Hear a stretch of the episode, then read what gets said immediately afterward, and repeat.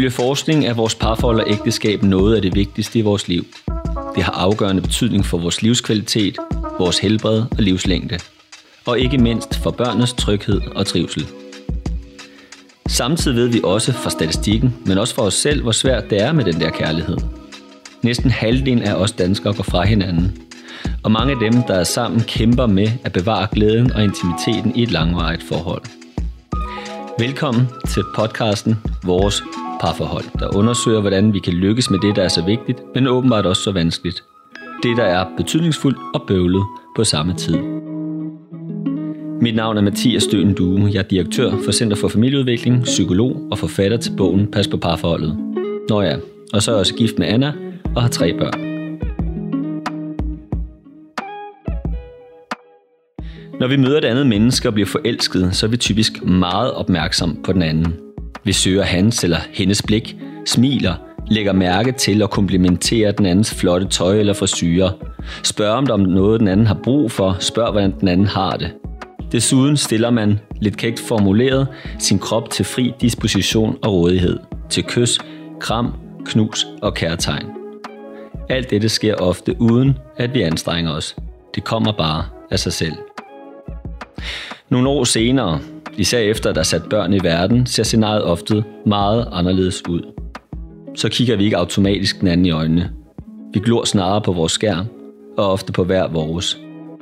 Vi glemmer at spørge ind til den andens ved og vel, eller vi orker ikke, på grund af træthed, stress eller irritation. Og det lidenskabelige kys er måske erstattet af det famøse tantekys, hvis vi overhovedet husker det. Der er altså sket noget med vores opmærksomhed på hinanden, på den ærgerlige måde. Og det er netop det tema, vi skal forsøge at blive klogere på i dag. Til at hjælpe mig med det, har jeg min faste gæst, Stephanie Gren Lauritsen. Du er psykolog og parterapeut ved Center for Familieudvikling. Og så er du kæreste med Stefan og har to børn. Velkommen til dig. Tak. Og så er jeg glad for også at have dig med, Thea Trillingsgaard. Du er uddannet psykolog, og samtidig er du forsker og leder af enheden for par- og familieforskning på Aarhus Universitet. Du er gift med Uffe og har to drenge. Også velkommen til dig. Tak skal du have. Vi er altså en psykolog, en parterapeut og en forsker, der nu skal prøve at kaste os ud i den svære opgave, som består i at blive klog på, hvad opmærksomheden i parforholdet er en størrelse, og hvordan vi måske også kan blive bedre til at praktisere den. Så til jer, uden at det her skal blive alt for akademisk, så kunne jeg alligevel godt have lyst til at spørge dig om, hvordan vi skal forstå opmærksomhed ind i en parrelation. Hvad er det for en størrelse? Ja, altså den form for opmærksomhed, som vi er opdaget af her, det er den øh, opmærksomhed, hvor vi er tilgængelige for vores partner, hvor vi responderer øh, positivt på vores øh, partners øh, initiativer til kontakt. Øhm, og det er den positive opmærksomhed. Og hvordan øh, ser den vigtige opmærksomhed så ud i, i hverdagen? Ja, hvis vi, hvis vi forestiller os, at vi kigger ned, øh, eller er flue på væggen øh, i, øh, inden for husets øh, fire døre, så, så, så kan vi jo se øh, på samspillet mellem to personer. Og, og alle former for samspil eller kontakt starter på en eller anden façon jo med en partner, der henvender sig, øh, eller tager et initiativ, vender sig mod den anden, og de, den anden partner, der responderer eller, eller ikke responderer. Øhm, så øh, vi kan forestille os den ene, der siger, øh, kommer ind ad døren og siger hej, og har du set, naboen har fået en ny hund? Og den anden øh, kigger op fra sin avis eller telefon, kunne det være, eller kigger måske ikke op øh, fra sin avis og sin telefon. Og den, hvad skal man sige, de små mikro øh, samspil af initiativ til kontakt og respons på kontakt, øh, det, det er i det samspil, at opmærksomheden eller tilgængeligheden, responsiviteten gør så stor en forskel. Fordi øh, hvis, Øh, hvis vi forestiller os, at partneren kigger ned i sin øh, telefon, jamen øh, så er der lukket, øh, kan man sige, for det videre samspil. Kigger han op eller hun op og siger, ja, ja, ej, det var lige sådan en hund, vi også drømte om at få. Kan du huske dengang, vi ville have haft en hund? Øh, jamen så, øh, øh, så responderer man, eller så, så, så åbner øh, samspillet til øh, ja, kontakt. Og hvorfor er det vigtigt at snakke om i, i det her program, og hvorfor er det vigtigt i det hele taget at øh, have fokus på øh, i det almindelige levede liv? Det er det jo, fordi vi kan se, at noget af, af den her responsivitet, eller den måde, par bruger deres opmærksomhed på, er en meget stærk faktor for, hvordan øh, trivselen i parforholdet udvikler sig, og hvordan øh, kontakten eller intimiteten, øh, hvad for nogle rammer der er for kontakt og intimitet. Og også fordi vi kan se, som du sagde så fint i din indledning, at opmærksomheden skifter form, som tiden går. Øh, de fleste nye par er vældig opmærksom på det her. Øh, opmærksom på opmærksomheden. De, de ved, de bruger øh, masser af tid øh, på at være tilgængelige og 100% klar til at øh, tage imod den andens henvendelse. Men over tid kan det være vanskeligt at vedligeholde den form for opmærksomhed, fordi der kommer mange andre ting ind i tilværelsen simpelthen. Ja, nu er du inde på, at der kommer andre ting ind i tilværelsen. Er der, har du andre supplerende forklaringer på, hvorfor det, hvorfor det går ned ad bakke med den her opmærksomhed på hinanden? Altså noget af den forskning, som vi har lavet, øh, der følger vi par, der bliver forældre. Og vi kan se, at øh, når par får første barn, så sker der rigtig meget med den opmærksomhed, de giver til hinanden. Og det har jo en helt naturlig forklaring, at barnet tager den opmærksomhed. Og det er helt på sin plads. Det skal barnet også. Fordi barnet har også brug for præcis det samme. Responsiviteten fra forældrene. Forældrenes opmærksomhed på barnets signaler. Tilgængeligheden, den psykologiske tilgængelighed. Øhm, men det kræver en vis øh, robusthed af parforholdet, og det ser ud som om, at øh, det her skift i vores opmærksomhed, øh, vi, som vi ser hos de nybagte forældre, også øh, kan sige noget om, hvordan det par øh, klarer sig igennem overgangen til at blive forældre. Så det er altså, øh, så selv når der kommer pres på vores opmærksomhed, så er det vigtigt, at vi husker på, øh, at, øh, at parforholdet har til stadighed brug for en eller anden form for, øh, ja, for opmærksomhed en opmærksomhed på opmærksomheden, ja, for at gøre det rigtig øh, langhåret. Vi bruger jo nogle gange udtrykket, at man kan være en partykiller. Det er der, hvor nogen kommer ind og siger, at der er en dag i morgen, eller nu skal vi også i seng, eller, eller noget tredje i den dur. Mm, inspireret af hvad du siger, så kunne, man, kunne jeg fristes til at sige, at de her børn kan være en opmærksomhedskiller. Er det, er det for langt at gå, eller, eller er der en vis sandhed i den udmelding? Det ser i hvert fald ud som om, at den periode, hvor vi har små børn, og hvor børnene kommer til, at det i sig selv er en periode, der øh, skaber et, et, et fald i tilfredshed. For, ikke et stort fald, men et lille fald for de fleste par, og for nogle et alvorligt eller betydeligt fald. Der er stor variation her. Øhm, så det, og, og på et eller andet tidspunkt, så øh, kommer børn ud af den fase, og så vender vi os igen mod hinanden. Og så er der så for nogle par sket det, at der ligesom er, at nærheden er, er sivet ud. Øhm, mens de har været optaget af nogle andre ting. Og der øh, og, og, så Ja, så, så, så det du siger, det er, ja, der er en risiko for, at, at børn kommer ind med alt det dejlige og glædelige, de bidrager med, at de også kommer ind øh, med øh, så meget fordring af vores opmærksomhed, at det risikerer at gå ud over den opmærksomhed, vi har øh, på hinanden.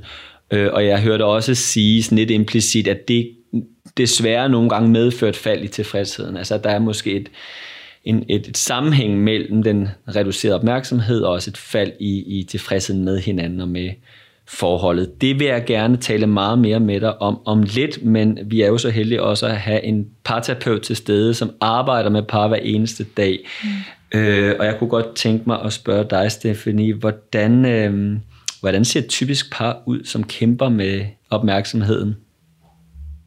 Øhm, åh, Mathias, det vil jeg super gerne svare på, og alligevel står jeg lige med en anden tanke, som jeg kunne have lyst til at supplere med også. Hvor det er man så fint, det må du meget øhm, gerne. Fordi, og det er jo noget af det, jeg også oplever, når jeg møder mange par, som jeg tror også kan være en del til at udfordre den der opmærksomhed, men det er, når vi lærer hinanden at kende, er vi meget begejstrede for den anden. Altså den anden er spændende, og øh, jeg vil vide alt om den her anden person, så vi er også meget opmærksomme og stiller mange spørgsmål. Og så det, jeg så kan møde, når jeg sidder med parne inde i, øh, i mit dejlige lokale, det er, at den begejstring for den anden er dalet. Altså, øh, så det er, at, øh, at min mand, øh, det er jo ikke min mand, men en, en, en, en, en mand, en eller anden mand, har en eller anden hobby. Det kunne være øh, at cykle så er man meget begejstret for cykler og udstyr det ene og det andet, og vil gerne dele det med sin partner. Og det har jeg hørt på i 10, 15, 20 år. Så den begejstring, jeg havde i starten, og hvor opmærksom jeg så var, den er der ikke længere. Altså, og det er det, jeg også kan se inde i mit rum. Det bliver svært at vedligeholde den her begejstring for den anden. Og skal man det? Skal man som ægtefælle til denne cykelentusiast i sit øh, smukke øh, nye cykelkostyme øh, have den samme begejstring, som man havde i starten? Øhm, jeg får lyst til at svare ja og nej. Altså nej, fordi det kan vi ikke. Altså jeg tror, der er et naturligt fald i, at øh, det vi lykkes med, når vi er nyforelskede, er også helt overdrevet. Så det skal vi ikke blive ved med at lykkes med resten af vores liv, fordi så bliver vi øh, enormt trætte. Øhm, og alligevel kan det være en påmindelse om for os selv at sige, jamen jeg, har, jeg lever sammen med det her andet menneske, og han eller hun er begejstret for noget, og hvordan kan jeg tage lidt del i det, selvom jeg også er blevet skal begejstres med mine børn eller noget på arbejdet, men så at sige, den lille begejstring, jeg måske kan vise, og sige, jamen kan du sige lidt mere, eller kunne vi vente til i morgen, eller hvornår det er, man tænker, man har tid, så vil jeg gerne høre lidt mere om det. Det har en stor betydning i parforholdet. Tak for øh, dit og jeres indspark her i, øh, i den første indledende runde. Øh, det har jeg lyttet til med stor interesse og, jeg fristes til at sige, stor opmærksomhed. Ja, tak for det, Mathias. jeg håber, at I også oplever det som sådan. Men her i anden øh, runde har jeg lyst til, at I også via mig og mine perspektiver lidt opmærksomhed. Eller sagt på en anden måde, så kunne jeg godt tænke mig at invitere jer ind i en fase af samtalen, hvor vi bidrager lidt mere dynamisk, øh, hvor jeg fortsætter med at stille jer nogle spørgsmål. Men hvor jeg også selv vil bidrage lidt, og det vil jeg, fordi jeg selv gør mig som psykolog nogle tanker om øh, opmærksomhed som fænomen, men jeg har også lyst til, i lighed med hvad jeg gør i andre af vores udsendelser, at være øh, ambassadør eller repræsentant øh, for de lytter, der måtte sidde derhjemme øh, og lytte opmærksom til vores udsendelse, og måske forholde sig lidt kritisk til det, vi står her og bliver mere eller mindre enige om. Så apropos øh, det her med de kritiske indspark, så har jeg lyst til at spørge jer om, om ikke det kan blive lidt hårdt, at vi skal komme hjem fra arbejde trætte, som vi er, eller efter putning af børnene endnu mere trætte, som vi er, så også skulle være overdrevet opmærksom på den anden. Til jer? Ja, altså, øh, det, det, vi kan jo ikke være 100% opmærksom og tilgængelig hele tiden. Det er der jo ikke noget menneske, der kan. Øhm, og det, der er lidt interessant, det er jo at se på, hvordan, øh, hvad er det, man gør i den fase, hvor man øh, først møder hinanden. Altså, der er, er der jo mange, der, der de er kun, altså par er kun sammen en lille del af tiden. Det vil sige, når man har koordineret tid sammen, så er man jo, ved man på forhånd, det er nu, jeg skal være opmærksom. Og så kan man gå hjem og klippe negle og, og øh, gøre rent på badeværelset og alt det der. I det langvarige parforhold, der skal man jo balancere mellem både negleklipning og badeværelsesrengøring og den der fulde opmærksomhed. Og tit så øh, for par ikke koordineret, øh, hvornår er det, vi er tilgængelige for hinanden. Og så kan man sige, så passerer de lidt øh, mulighederne, fordi nu er jeg klar, men der er du lige kommet hjem fra arbejde, og når så du er vågnet op til død efter at have crashet på sofaen, jamen så er jeg faktisk i gang med aftensmaden. Og på den måde så øh, misser vi de muligheder, vi havde for at være øh, parat og tilgængelige på samme tidspunkt. Og det kræver for de fleste en eller anden form for ritualisering Øh, af aftenkaffen klokken 8, eller gåturen med hunden klokken 5, eller øh, øh, ja, par har øh, mange forskellige måder at ritualisere deres samvær, men hvis ikke vi får skabt en eller anden øh, vane omkring opmærksomheden, så kan vi gå forbi hinanden. Altså til at høre dig sige, at indledningsvis, der hvor vi i gåsøjne blot er kærester og dater med hinanden, der er rammerne ret gunstige for opmærksomhed, for vi ved begge to, at nu er vi kun tilgængelige for hinanden. Men det, der sker senere, når vi flytter sammen i en lejlighed, et hus, og vi får børn, det er, at der foregår det, man med lidt fint sprog kunne kalde nogle asynkrone processer. Altså, vi går op og ned af hinanden har gang i hvert vores, og sådan må det være. Men deri er der også en stor risiko for, at den ene ønsker opmærksomhed, når den anden vil noget andet, og omvendt. Og, og, og så hører jeg dig sige, at et, en modvægt til de asynkrone processer handler om noget med ritualisering. Kan du prøve at udfolde det der lidt mere? Altså, så ritualisering kan jo se ud på mange måder. Så nogen øh, har øh, ritualiseret weekendturen til sommerhuset, at hver anden weekend, så når vi kører ned at den her grussti, og ruller vinduet ned, dufter græntræerne, hører vandets øh, susen, så ved vi, at nu er der partid. Øh, og andre øh, har ritualiseret morgenmaden, hvor man har taget sig god tid og drikker en ekstra kop kaffe, får spurgt til, hvad skal der ske på dagen, og så er det der. Men det at være, øh, have en eller anden form for koordinering, øh, det er det, der kan spare, øh, øh, hvad skal man sige, der kan sikre, at når vi har mest brug for, eller når vi er mest klar til opmærksomhed, at vores partner så faktisk er tilgængelige. Og Stephanie, hvordan koordinerer man den slags? Altså, hvad plejer du at tale med, med, med dine såkaldte par øh, om, hvad det angår? Altså man kan sige, inden jeg når til den proces, så det der bliver øh, vigtigt inden hos mig, det er jo at forstå noget af det, der kan ligge bag nogle gange. Altså når par ikke oplever opmærksomheden. Ikke? Øh, hvis jeg oplever, at øh, min partner gider ikke mig, når børnene er puttet, eller min partner har altid brug for øh, øh, at trække luft ned på gaden først, eller snakke med en veninde, eller træne, før jeg får opmærksomheden, så kan man begynde at tænke, hvad er det mig, der er noget galt med? Vil du mig ikke? Har du en anden? Der kan blive lagt alle mulige tanker i de, øh, den adfærd, ens partner har. Så når jeg sidder med et par, er det jo at finde ud af, hvad, hvad ligger egentlig bag? Øh, I en lang periode så jeg øh, Karen og Jakob anonymiseret igen, øh, og de kom hos mig, fordi de formåede ikke at have god kontakt. Altså det var det, de sagde. De mislykkede hele tiden, og de endte i skænderier i stedet for. Og der var også noget behovmæssigt, der var forskelligt. Øh, Karen havde to børn fra et tidligere ægteskab, som var hver anden uge hos dem. Så når de her to andre børn var hos dem, så gik al opmærksomheden på de her to piger, fordi hun havde skyldfølelse over ikke at have dem hele tiden. Forståeligt nok. Det kunne hendes mand, Jakob også godt forstå. Og, øh, og så forventede han ligesom, når pigerne ikke var der længere, altså den anden uge, altså skulle han have en fulde opmærksomhed. Men Karen og Jakob har også to børn i forvejen fælles, som også tager meget opmærksomhed. Og det, der skete, det var, at Karen, hun hele tiden søgte steder for sig selv, fordi hun havde et behov for noget alene tid, noget, øh, noget ro for sig selv. Det, der blev svært, var, at Jakob hele tiden tolkede, at det var ham, der var noget galt med. Så han gik i konflikt med hende. Og det, de formåede inde hos mig, var jo faktisk at sige, at Jakob kunne dele med Karen. Det bliver så svært for mig, når du trækker dig hele tiden, fordi jeg bliver i tvivl om, om du vil mig. Og hun så kunne møde ham i den sårbarhed eller tristhed og øh, klar ham, det var slet ikke det, det handlede om. Det var noget helt andet for hende. Så man kan sige, at jeg er et andet sted, før man overhovedet kan snakke om ritualer. Ja, og det synes jeg er jo rigtig væsentligt at komme ind på. Altså indtil videre, så, så hæfter jeg mig ved to øh, mm, opmærksomheder i den her snak. Altså den ene, du snakker om til, det er, at vi vinder meget ved forventningsafstemningen, ved ritualet, at få, få reduceret de asynkrone processer, ved at have et eller andet, vi er enige om, at vi bruger tiden på.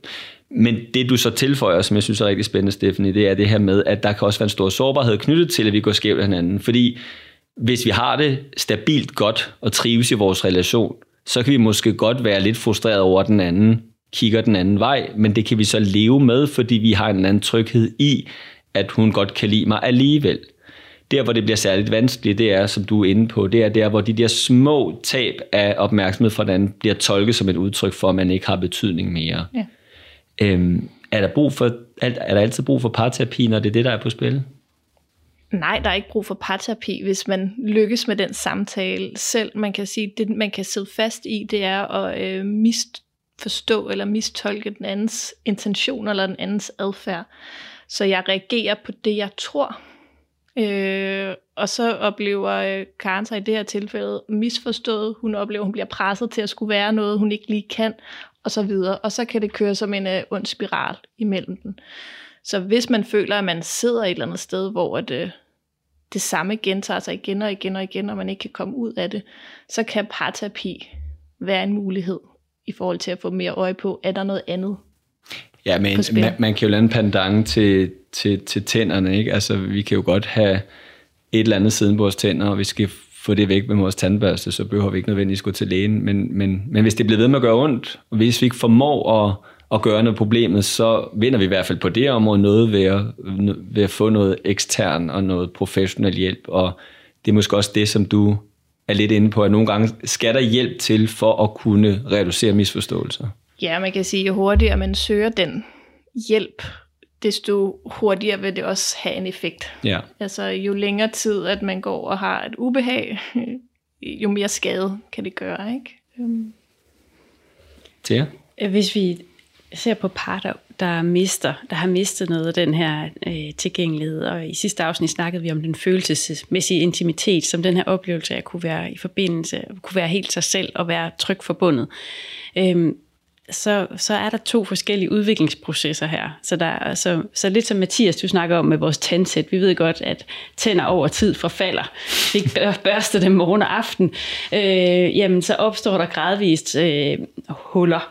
Øh, og lidt på samme måde kan man sige med opmærksomheden, at et mønster i udviklingen af, øh, eller i tabet af opmærksomhed, er sådan en gradvis udsivning, som i små øh, ryg, øh, små øh, øh, gradvis, en gradvis udviklingsproces, hvor vi der opstår små misforståelser, vi får ikke samlet op, og vi får ikke fået spurgt ind, og lige så stille glider vi gradvist fra hinanden. Og så er der en anden proces, som er sådan mere abrupt, eller fra, hvor, hvor en partner lukker døren til hjertet, kan man måske kalde det. Altså ligesom på en eller anden måde smækker i for, øh, nu har jeg oplevet så meget svigt, eller jeg har oplevet, at du er så langt fra mig, så nu kan jeg ikke mere. Og lukker døren i øh, til, til hjertet. Og på den anden side af den dør står der jo en, der oplever, at nu er der lukket for opmærksomheden, eller for intimiteten. Øhm, og det er og nogle gange så kommer par, øh, vi kan i hvert fald se, når vi kigger på, hvornår par søger hjælp, at par søger relativt sen hjælp, og det er måske nemmere at søge hjælp på et tidspunkt, hvor døren er, altså du ved, hvor det skift er sket, øh, end at få taget nogle af de der ting i oplevet. Er det din, hvordan øh, oplever du Jeg skal lige forstå det helt korrekt, så du tænker, at det er nemmere, at, at de kommer inden døren er smækket. Er det det, du mener? Det er bare for at blive dine ja, metaforer. Ja, så hvis vi kigger, ja, så det jeg mener er, at øh, at der er to udviklingsprocesser, ja. og tit kommer par, når døren har været lukket et langt stykke tid. Ja. Ja. Øhm, og kom par altså, lidt før, øh, så kunne det være, at man havde nogle andre muligheder i terapien. Ja, altså man kan sige, at øh, jeg ville ønske, at jeg havde et, øh, en, øh, hvad hedder sådan magic stick, jeg ved ikke, et tryllestav, og så kunne man trylle for at give parnet noget øh, godt. Fordi parne kommer jo i smerte, og vil gerne stadigvæk lykkes, når de kommer ind til, hos mig. Men nogle gange kan den dør være så smækket, at øh, der er ingen kontakt. De har måske ikke snakket sammen i flere år. Altså, at, at så er der lang vej, for at jeg kan hjælpe med nogle refleksioner ind i deres liv til, at de kan begynde at bruge det derhjemme. Så det er klart, at jo tættere du står på hinanden, desto hurtigere kan de lykkes med noget derhjemme. Så I står der og, og bliver rørende enige om det, det, man kunne kalde det forebyggende perspektiv, øh, at det er nemmere at gøre noget ved små opmærksomhedsforstyrrelser eller små problemer end store. Og vi er jo heldigvis blevet relativt gode til i vores kultur at gå til tandlægen. Jeg skal nok lade være med at spørge til jeres øh, vaner, hvad angår det at børste tænder og gå til tandlægen. Men, men som nation er vi blevet meget mere opmærksomme på, dels at børste tænder et par gange om dagen, og gå til tandlæge fra tid til anden, også selvom det ikke gør ondt. Vi er også mange af os, der er en bil, relativt gode til at tage til service og mange af os vander også vores blomster i ny og næ. Det er jo alt sammen noget, vi gør, fordi vi ved, at det både er mere bøvlet, men det er også dyrere at skulle fikse bilen, øh, når den øh, ikke mere kører. Øh, så, så på den måde er det jo interessant øh, at høre jer tale om noget af det her bare på parforholdsområdet. Stephanie? Ja, og så, og så vil jeg, får jeg også lige lyst til at sige, at det er jo en balance. Altså, så man skal ikke tænke, når man hører det her, at nu skal man øh, snuppe sin mand eller sin kone med i øh, terapi, og vi trives ret godt. Så det er jo sagt med et hellere række ud, øh, før det er for sent, men selvfølgelig skal man... Altså jeg tænker også, par kan lykkes med meget selv, med lidt viden. Altså, du synes ikke nødvendigvis, det her skal lyde som en opfordring til, at man på anden date booker en tid hos parterapeuten? Nej, præcis. Nej. Men du taler alligevel om, at man måske gør sig nogle overvejelser om det med, parforholdet, når den første, de første udfordringer melder sig. Ja. Og så siger du samtidig, det bliver lidt nysgerrig på, man kan også godt gøre meget selv. Altså, hvad, hvad tænker I, man kan gøre selv? Tia? Hvis vi kigger på par i sådan et livsløb, så, så, er, så er parforholdet under kraftig forandring, kan man sige. Og personerne i forholdet er under forandring. Så vi mødes måske, øh, når vi er unge, så, og er, er Øh, så kommer der job til, så kommer der børn til, så kommer der, øh, så er der flytninger og job og familiemedlemmer, der, øh, man måske mister. Der sker utrolig mange ting i et livsløb, som det her parforhold, øh, som det lange parforhold skal, skal holde til. Og, og øh, hvis vi vender tilbage til det her med opmærksomheden, så betyder det faktisk også, at vi som personer forandrer os over tid. Og hvis vi ikke genbesøger eller genviger hinanden øh, den opmærksomhed, vi gjorde i starten, jamen så kan vi miste noget af det kendskab. Øhm, så par, der først mødes, de er gode til at få fortalt øh, om barndomshistorierne og fortællingerne fra deres liv og fordelt alt det stof, der gør, at de føler, at de kommer til at kende hinanden rigtig godt. Hvis vi øh, gerne vil holde, øh, hvad skal man sige, nærheden og intimiteten ved lige på den lange bane, så skal vi på en måde genvige den opmærksomhed og genopdage, hvem den anden er i sin nye forandring, eller sin nye forvandling som forældre, eller øh, som en person på arbejdsmarkedet, måske som en person på pension. Eller det kræver en kontinuerlig vende tilbage til, og nysgerrigt vende sin opmærksomhed mod, hvem er den anden i dag? Øh, hvad, hvad, øh, hvad fylder for dig?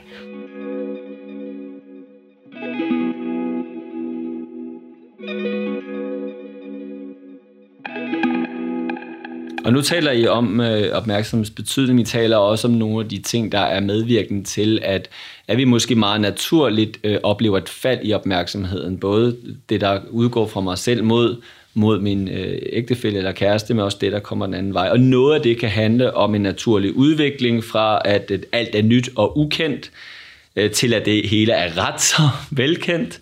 Øh, men det kan også handle om børn, det kan handle om træthed med videre. Hvad med apropos samfundsudvikling, hvad med smartphones øh, øh, indhug i tilværelsen? Øh, kan vi sige noget mere eller mindre begavet om betydningen af den? Når man spørger folk om betydningen af, af telefoner i deres liv, øh, både med deres liv med deres børn og deres liv med en partner, så øh, siger de fleste, at de føler sig generet af den andens telefonbrug. Øhm, og det er måske ikke så overraskende, men, men det er alligevel en ny faktor, som er kommet ind i vores samliv inden for de øh, senere år, som har en massiv betydning for den måde, vi kan give vores opmærksomhed på, fordi der er pludselig også rift om vores opmærksomhed, ikke bare fra vores øh, børn og vores arbejdsliv og vores dagligdags øh, opgaver, men nu er der også telefonen, øh, som øh, er rigtig god til at sluge opmærksomheden. Jeg har sådan en lille øh, personlig anekdote fra, øh, faktisk fra i sidste uge. Jeg har sådan, eller jeg har en regel om, jeg ved ikke om min mand han er helt med på den altid, men jeg har en regel om, at der skal ikke være telefoner, ved, når vi spiser. Og så på en eller anden måde, så havde jeg alligevel øh, fået lagt min telefon ved siden af mig, og jeg sidder og snakker med Stefan, og han fortæller mig noget, og jeg er egentlig meget optaget af det, og alligevel ud af øjenkrogen lige pludselig, så får jeg øje på min telefon. Og sådan helt ubevidst, og åbner jeg den bare, og går ind på nogle af de her sociale medier jeg, jeg skal ikke noget. Og i det sekund, så altså fjerner jeg jo mig fra hans altså samtale ned i noget andet. Og det tænker jeg bare egentlig er et lidt skræmmende eksempel, fordi jeg skulle ikke noget. Det var ikke fordi, vi snakkede om noget, jeg lige skulle søge, eller øh, altså man kan sige, den kan også hjælpe med noget i en samtale, men her var det bare, gud, altså behovet for lige at tjekke, at jeg er gået glip af noget. Og det, det, øh, det er skræmmende. Ja, det er en tidsrøver, og, og det eksempel, det øh, giver mig også associationer til, øh, sådan, til sådan et begrebspar, som jeg holder meget af, og det er et engelsk begrebspar, øh, som lyder øh, sliding versus deciding. Øh, og hvis vi skulle lave en meget dårlig dansk oversættelse af det, så som jeg kalder det i min bog, så, så, så, så benævnes det sige nej eller ja, ej, hovsa. Altså, det handler om, hvorvidt vi kommer til at gøre ting intentionelt bevidst, fordi vi ønsker det, eller om det er noget, der bare sker af sig selv. Og det du beskriver der, synes jeg er et godt eksempel på sliding. Du, du sætter dig jo ikke ned og beslutter dig for, at nu vil jeg bruge så, så lang tid på sociale medier eller på sin telefon. Det er noget, der bare sker. Mm. Og jeg tænker jo, at sådan er livet. Livet er sådan noget, der bare sker. Øhm, og, og vi kan ikke kontrollere alt, vi skal ikke planlægge alt. Det tror jeg også vil være lidt for excel og kedeligt. Ikke desto mindre, så er der alligevel en faktor, der går igen, når vi taler om opmærksomhed, og når jeg lytter til jer, som handler om, at vi hovsa kommer til at vi hinanden meget lidt opmærksomhed. Ikke fordi vi er dårlige mennesker, ikke fordi vi måske ikke holder af den anden, men fordi børn, arbejde, telefoner, Netflix med videre hapser af os, uden at vi får stanset op og reflekteret over det. Så mit spørgsmål er til jer, hvis det ellers er nogenlunde øh, godt beskrevet, hvad, hvad, hvad er så modvægten til al den sliding og al den hovsa adfærd? Det er i hvert fald en bevidstgørelse af det. Okay, lige det her lille eksempel. Jeg skal ikke have den mobil liggende på bordet. Man kan sige, hvis jeg havde siddet selv og spist, så fint nok. Det, der jeg synes, der er skræmmende, det er jo den betydning, det får for Stefan i det her tilfælde af, at han sidder og fortæller mig noget meget vigtigt om hans job, og jeg lige pludselig kigger et andet sted hen. Det er jo der, øh, smerten jo egentlig ligger. Ikke så meget, at der er noget, der tager vores opmærksomhed. Det tænker jeg, det er en del af livet, men det er mere, kan det have en konsekvens et andet sted. Ja, så det, at, at telefonen har så meget af vores tid, kan være et selvstændigt øh, problem, også individuelt betragtet, men der, hvor det bliver relationelt problematisk, der, hvor det bliver en risikofaktor ind i et parforhold, det er der, hvor den dels hapser af den, den sparsomme tid, vi har, hapser af forudsætninger for opmærksomhed, og dermed også risikerer at udfordre den parforholdstilfredshed, som vi jo alle sammen søger til Ja, i, i forlængelse af det, du siger, Stephanie, med at, at bevidstgørelsen er i hvert fald en, et vigtigt element, øhm, så, så har man inden for teknopsykologien opfundet, eller defineret det begreb, der hedder fobbing, som er begrebet øh, for at ignorere sin øh, samtalepartner til fordel for telefonen. Og det er en sammentrækning af at snoppe og en phone, og det bliver så til fobbing. Og jeg tænker egentlig, det er, det at have fået et begreb for det er ret vigtigt. Og til at undskylde, ja. snoppe, kan du sige lidt mere om, hvad der ligger i det? Ja, det er altså, et engelsk ord. Ja, altså, ja, så det er jo øh, på en eller anden måde at, øh, inu, altså at ignorere tror jeg, vi skal forstå oversætte det til i den her sammenhæng. Så man ignorerer sin samtalepartner til fordel for telefonen, og det man så gør, kan vi kalde for og, og jeg fopper dig, eller jeg bliver foppet. Øhm, og jeg tror, vi har brug for sådan et begreb til at sætte ord på. Det den intention, der fortolkes for den, som bliver foppet. Øh, mens det for den, der fopper, typisk er en ubevidst sliding, som du kalder det, en, en ubevidst øh, gliden ind i en handling, som bliver fortolket intentionelt, og som øh, lidt afhængig af det, som den anden sidder med, det som den, der bliver foppet, er i gang med at dele, kan opleve, opleve som en decideret afvisning eller Ja. Men det er jo et vildt interessant begreb, og, og jeg er enig med dig i, at det er godt, at vi får begreber om ting, for så er det nemmere at tale om det, og der hvor det bliver nemmere at tale om noget, kan vi måske også komme tættere på den bevidstgørelse og den øh, sådan, intentionelle adfærd, som vi måske ønsker at hæve. I det her tilfælde at hæve vores opmærksomhed på øh, hinanden. Øhm, jeg får dog lyst til at høre det her, denne form for fobbing. Altså kan vi tillade os nu at slå hinanden i hovedet med en telefon, eller med vores ord, med henvisning til, at nu er du i gang med at fobbe mig igen, og det kan du ikke tillade dig. Altså, kan vi det, eller hvordan, hvad, hvad gør vi næste gang, vi sidder i sofaen og bliver fobbet, og, og, og, og, og synes, det er svært? Altså, det, øh, jeg vil sige, hvis man udtrykker det på den måde, du siger der, Mathias, så har jeg fortæller min erfaring mig i hvert fald, at det vil lande et dårligt sted Så det tror anden. du ikke, jeg skal gøre næste gang, jeg kommer Nej, hjem og oplever det? men min... jeg synes, der er noget vigtigt i at kunne talsætte det stadigvæk, men fra et sted, hvor man kan give udtryk for, hey, jeg synes, telefonen fylder for meget imellem os, eller jeg synes, det bliver svært for os at have en samtale, eller hvad det nu er. Fordi så tror jeg, at partneren kan være mere lydhør. Og hvordan kan man gøre det, sådan at det ikke lander som kritik? Fordi, som vi var inde på før, det er jo ikke sikkert, at vores partner fopper os, fordi vedkommende synes, vi er kedelige eller trælse. Det kan jo være noget, der bare sker. Så hvordan i alverden kan vi sige det på en god måde? Altså man kan jo sige, der hvor jeg har lyst til at, øh, hvor det lander et dårligt sted, det er jo, hvis jeg føler, der bliver lagt noget ned over mig, som jo ikke for eksempel hvis min intention ikke var der. Ikke? Altså, så det kunne være, om du fopper os altid, eller du tager os altid telefonen frem. Altså det bliver et du-budskab, altså der bliver en kritik rettet øh, på en eller anden måde. Det ender ofte et dårligt sted, fordi så vil jeg føle, at jeg skal forsvare mig. Det passer ikke, du gør også, eller så videre.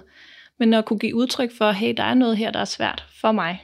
Det er svært for mig, at mobilen fylder så meget hele tiden. Så ofte vil den anden være mere lydhør for at gå ind i en samtale der. Det er jo en måde at bringe, et, øh, bringe temaet op som et, øh, som et fælles problem.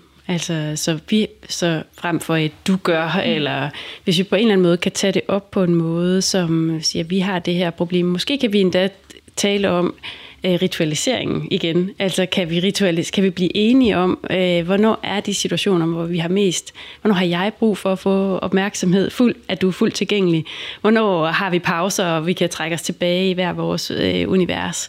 Øh, og hvis vi kan ritualisere telefonens øh, tilstedeværelse og blive enige om, hvornår må den være på bordet, eller øh, hvornår, må, hvornår er det telefontid, hvornår må man falde i et telefonhul, det ord bruger vi hjemme i min familie.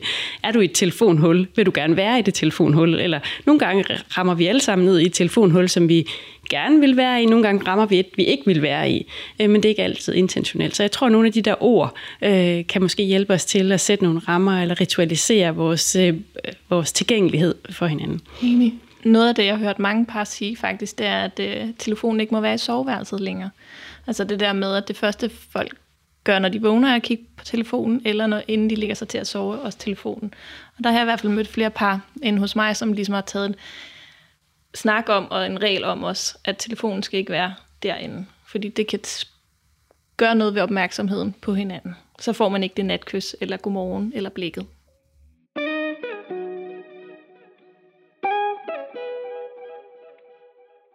Nu taler vi en del om telefoni, og det gør vi jo af den simple årsag, at det fylder meget i, øh, i folks liv, inklusiv vores, øh, antager jeg. Øh, det hjælp, den telefon hjælper os med meget, men det jeg bliver klogere på via samtale med jer, det er ikke nok med, at den slider os væk fra alt muligt andet meningsfuldt, vi kunne foretage os som individer, så er der faktisk en stor risiko for, at den reducerer den opmærksomhed, den bærebjælke i vores relation, som er så afgørende for, at vi trives. Og jeg, jeg hører, hvis jeg skal opsummere lidt, at der er meget vundet ved at være forventningsafstemt omkring, hvornår vi bruger dem, at de ligger uden for synsvide, uden for rækkevidde, for så gør vi det nemmere for os ikke at slide ud i at bruge dem. Øhm, men jeg hører også noget andet interessant, som har at gøre med, hvordan vi så øh, får fortalt hinanden, når noget gør ondt. Vi snakker om ordet fobbing. Øhm, jeg kunne godt tænke mig øh, at få udfoldet lidt det her med, at man at man fortæller om, at man synes, det er svært, når den anden har opmærksomhed et andet sted, men uden at man kritiserer. Øhm, jeg ved, øh, Stephanie, at du er ret optaget af et begreb som, som sårbarhed, eller at man tør dele ud af, sin, af, af det, der er svært. Øhm, kan du sige lidt mere om, hvordan det kan have relevans i det her? Øhm, hvorfor det optager mig er jo fordi, at på en eller anden måde, så deler vi jo ret ofte med vores partner, hvad der er svært. Men vi kommer til at gøre det på måder, som lander et dårligt sted hos den anden. Altså fordi vi enten øh, det, altså, kritiserer eller bebrejder. Det kan også være, at vi ikke deler. Vi trækker os. Vi, det kan være, at en mærker, at der er noget galt her, men jeg ved ikke, hvad det er, fordi min partner bare lukker ned. Så jeg er optaget af, at vi kan komme et sted hen, hvor vi kan begynde at dele de ting, der bliver svært, på måder, hvor den anden kan lytte opmærksomt, uden at gå i forsvar, men også at man kan få den respons, som man jo faktisk egentlig længes efter. Hvordan kunne den sætning lyde, altså hvis vi, hvis vi gør det helt lavpraktisk? Øh, ja, det er et ret godt spørgsmål. Altså, jeg, jeg kan hoppe ind med et eksempel, ja, som jeg også har hørt, ja, altså, godt. Ja, som jeg ved, vi har delt tidligere, Stephanie, som er, som er, er, er, er, er øhm, partner, når, I, når det går godt i parforholdet, så er det nemt at sige, at jeg trænger til et knus. Men når, det, når der kommer afstand mellem os, og der måske er langt hen til den anden, så er det måske for sårbart at sige. Og så er det nemmere at sige, har du for helvede glemt, hvordan man giver et knus? Og den, det er, det, samme, det er den samme længsel, der ligger nedenunder længsten efter kontakt og øh, varme og øh, forbindelse, men måden det kommer ud på, øh, Øh, får man en meget forskellig respons hos partneren. For siger vi, har du for helvede glemt, fordi man giver et knus? Jamen, så springer partneren frem og siger, nej, det er det dig, der ikke, og så videre.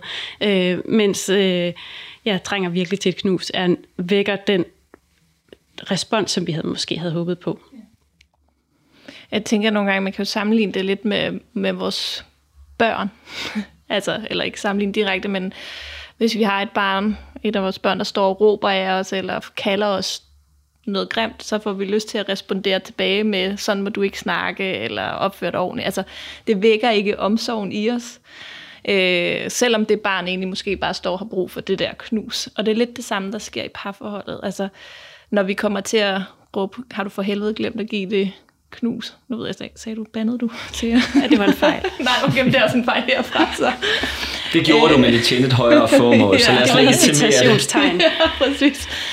Så vækker det ikke en omsorg, så har jeg ikke lyst til det. Så kunne det mit respons til dig også være, men jeg har da ikke lyst til at knuse en, der står og er så vred hele tiden. Altså, men hvis vi siger det andet, så vækker det noget omsorg i os, og så har vi lyst til at række ud. Jeg er helt enig. Vi skælder nogle gange mellem, hvad der er de synlige og de skjulte følelser. Og øh, i det her eksempel, der er den Øh, med, med bandeordet, der, der er der jo en synlig følelse, som er vrede og irritation, men den skjulte følelse er jo længselen og håbet og savnet. Øh, og øh, når par kommer på afstand af hinanden, så det bliver de mere tildækket i deres kommunikation. Så så bliver det sværere at afsløre de, de skjulte følelser, de bløde, de sårbare følelser. Mens når par er i nær kontakt og har god øh, forbindelse med hinanden, så kan vi tale mere afsl- altså selv, så kan vi selv afsløre bedre, og, out, og så bliver vi nemmere for vores partner at læse, nemmere at forstå, bliver nemmere at respondere på med empati.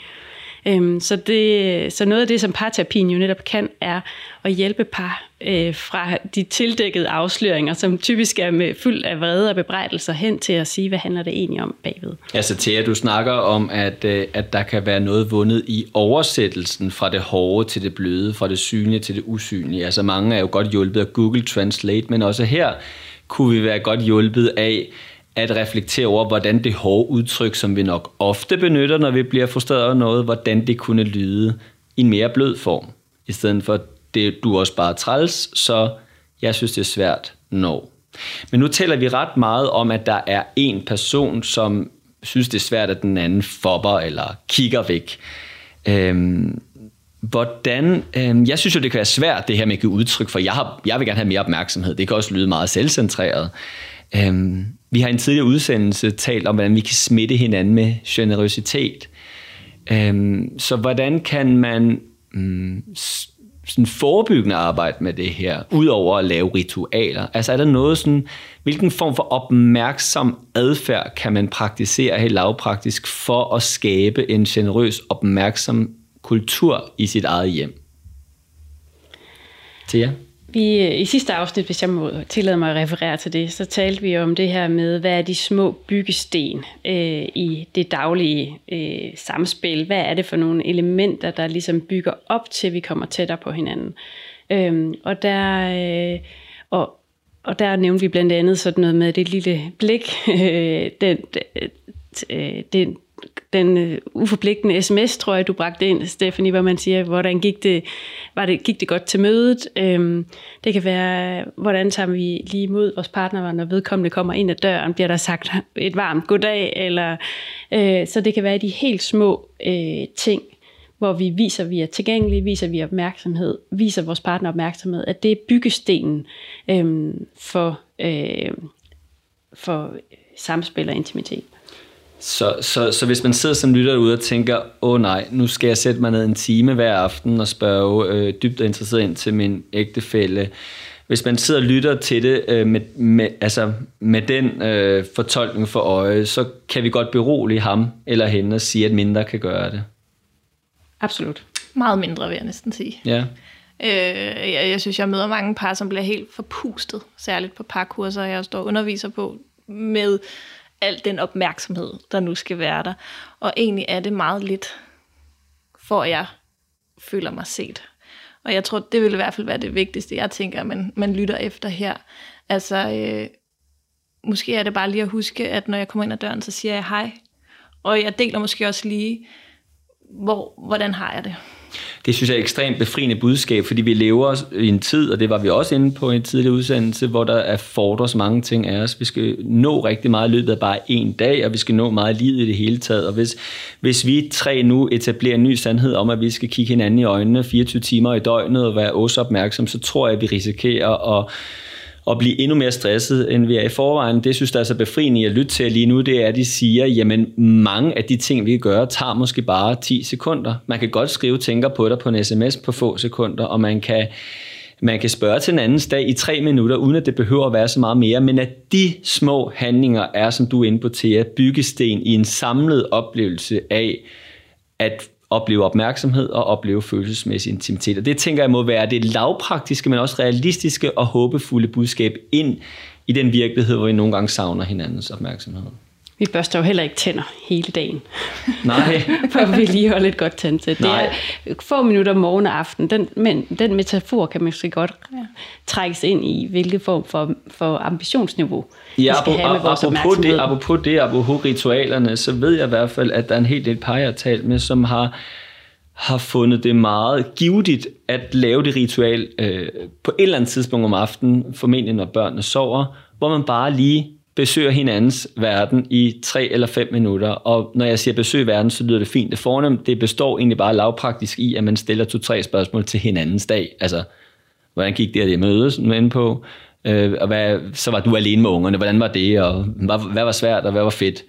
Og så ikke så meget mere, for det handler egentlig ikke om, at vi skal gå i detaljen med, hvad det er, vi har lavet. Det handler meget mere symbolsk om at vise, du har min interesse. Fordi der, hvor vi viser hinanden, at den anden har interesse, der kan den anden, hvis man er rigtig heldig, også komme i kontakt med den selvforståelse, at man er interessant.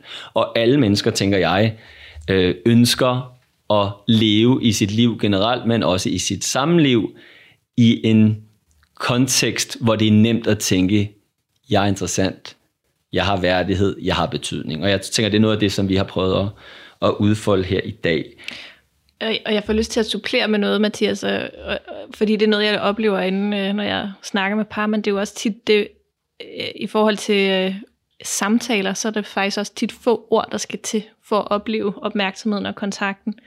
Øh, jeg kan møde øh, både kvinder og mænd, der siger, at jeg har sagt det her før, hvis jeg beder dem om at sige det igen, eller kort det ned, og de vil altid sidde og føle, at de har sagt det før, men det der er, det er, at de har sagt det med så mange ord, så budskabet har partneren ikke helt altid modtaget. Så det der med at få altså kottet, kottet samtalerne ned også nogle gange har også betydning, fordi ellers kører vi alle mulige steder hen, men bare ligesom kører ind til, hvad det egentlig det virkelig handler om.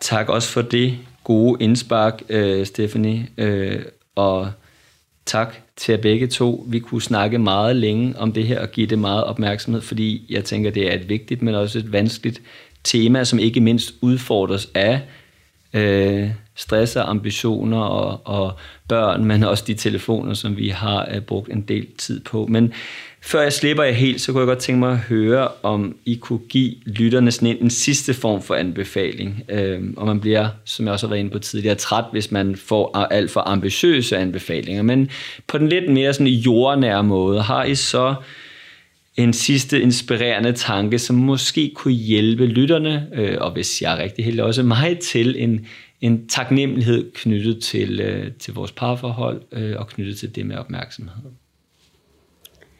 Øh, jeg kan prøve at, at finde på sådan en. Øh, det kunne være måske at komme i tanke om én ting, som øh, man selv kan gøre i dag, som vil få øh, partneren til at føle sig set eller hørt eller forstået, og det behøver ikke at være noget stort. Hvis det er en, der sætter pris på sterillys, så kan det være at huske at tænde det sterillys, selvom det måske ikke betyder noget for en selv.